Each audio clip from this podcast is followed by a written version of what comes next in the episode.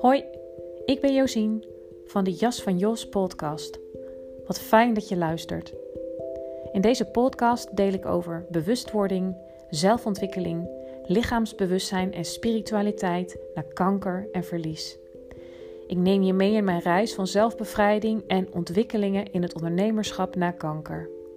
Ik vertel met openheid, bevlogenheid en hopelijk ook humor over groei en over struikelblokken.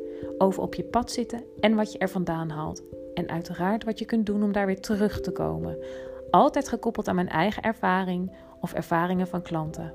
Ik deel tips, tools en inspiratie voor een authentiek en zelfliefdevol leven vanuit meer rust en zijn. Je jas mag uit, groei naar wie je bent. Ik wens je veel luisterplezier.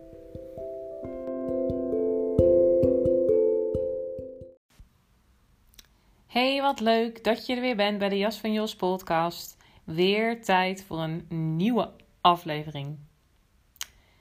En deze aflevering heeft als titel Tijdtekort.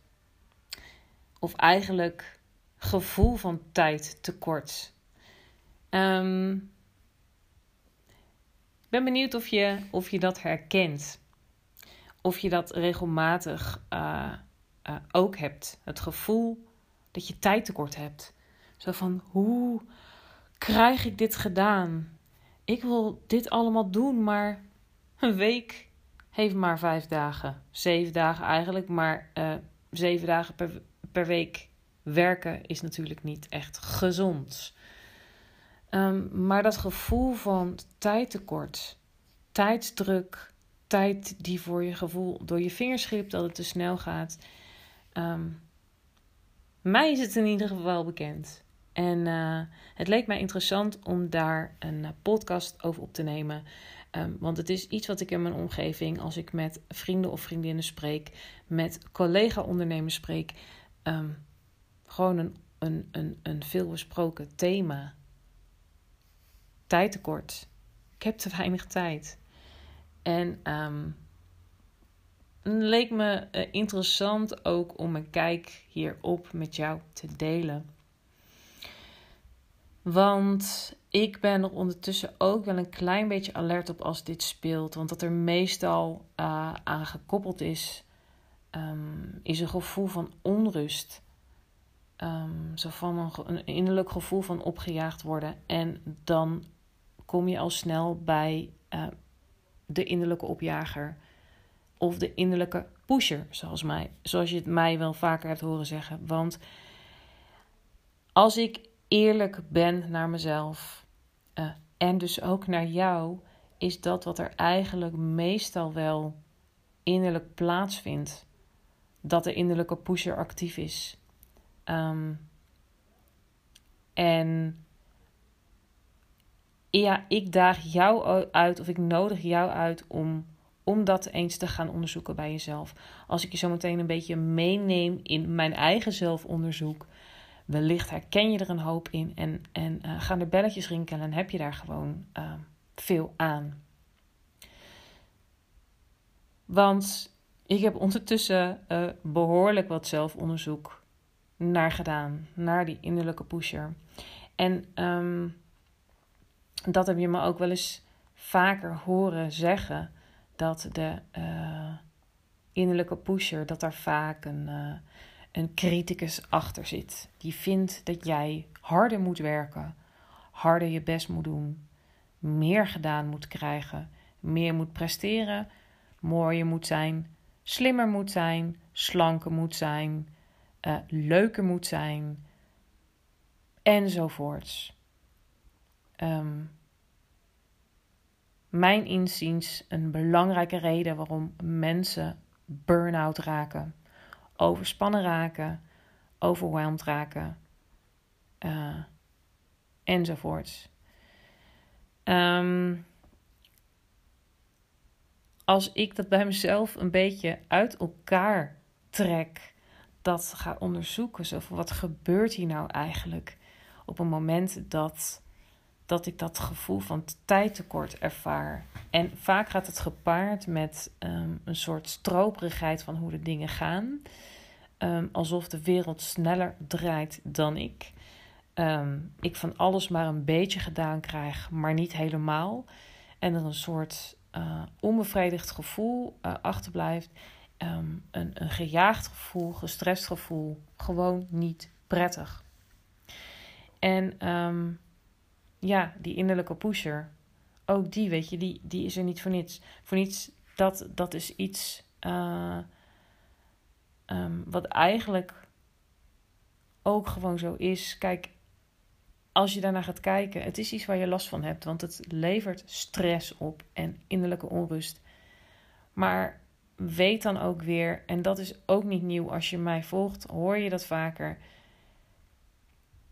Het is heel belangrijk om hier, zeg maar, met een open, nieuwsgierige houding zelfonderzoek naar te doen, hier naar te kijken.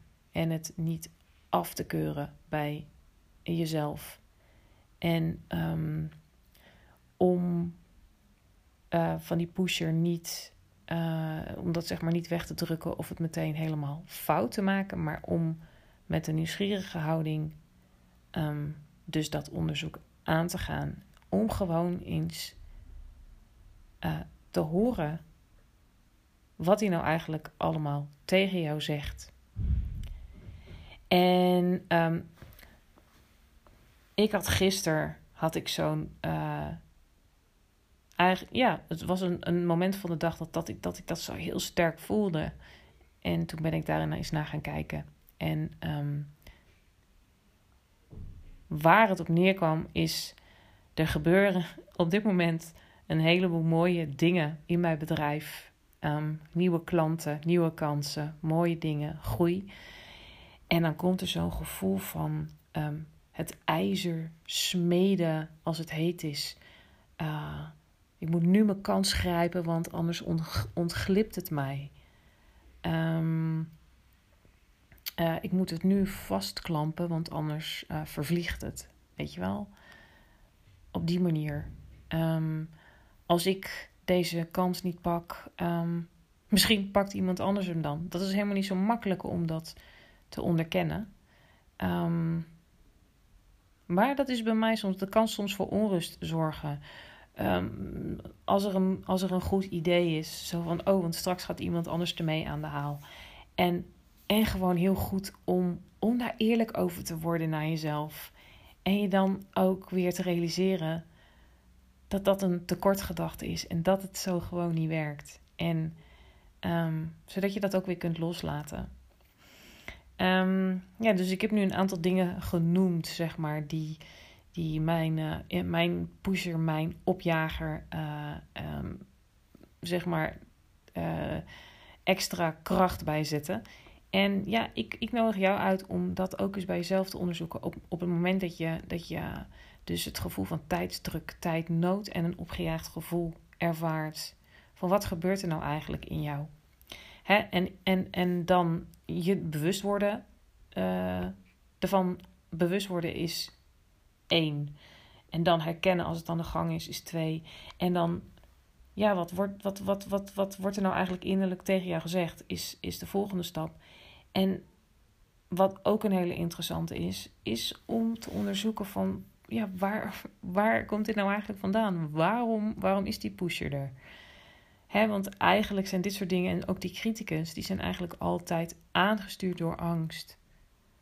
Angst um, voor tekort, angst voor niet genoeg zijn, angst voor niet goed genoeg zijn, al die dingen.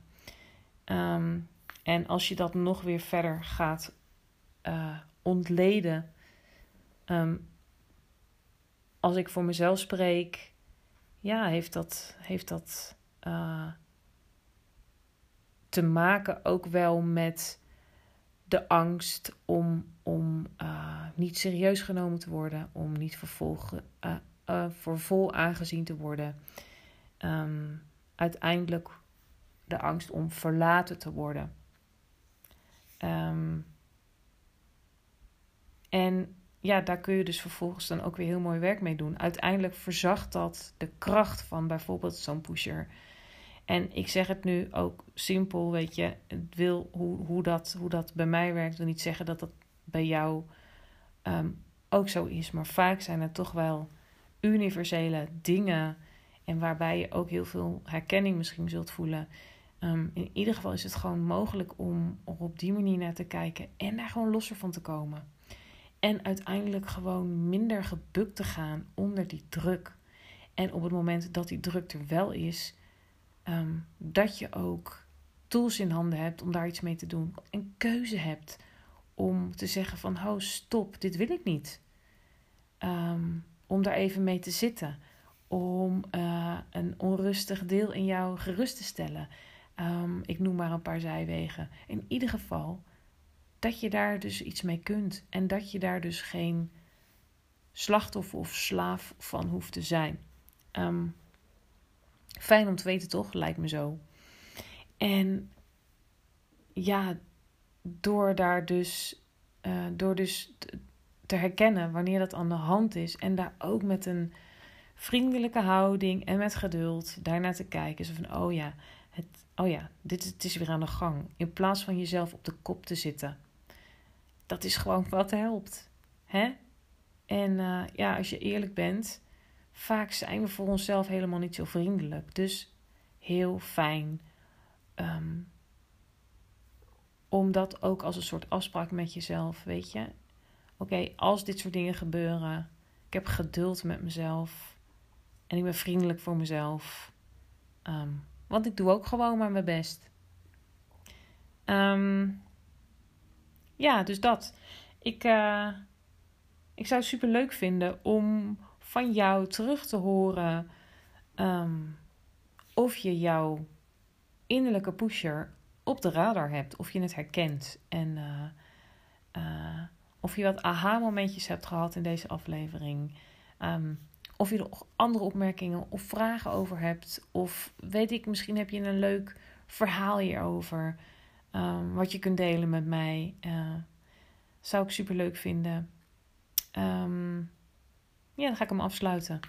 En uh, dan spreek je mij de volgende keer weer. Oké, doei doei. Dat was hem weer voor vandaag. Wat fijn dat je erbij was en helemaal tot het einde hebt geluisterd bij deze aflevering van de Jas van Jos podcast. Wil je me nou een beetje helpen? Dan vind ik dat natuurlijk hartstikke fijn. Je kunt dat doen door je te abonneren op deze podcast. Dat kan zowel op Spotify als op Apple Podcast. Um, daarmee kom ik hoger in de ranking, ben ik makkelijker vindbaar.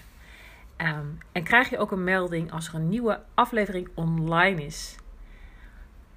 Je kan me ook helpen door op Apple Podcasts een rating en korte review achter te laten.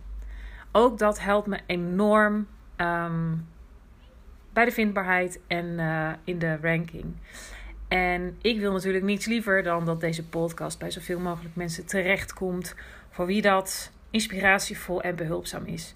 Dus um, dank je wel alvast voor de moeite. En uh, dan spreek ik je de volgende keer.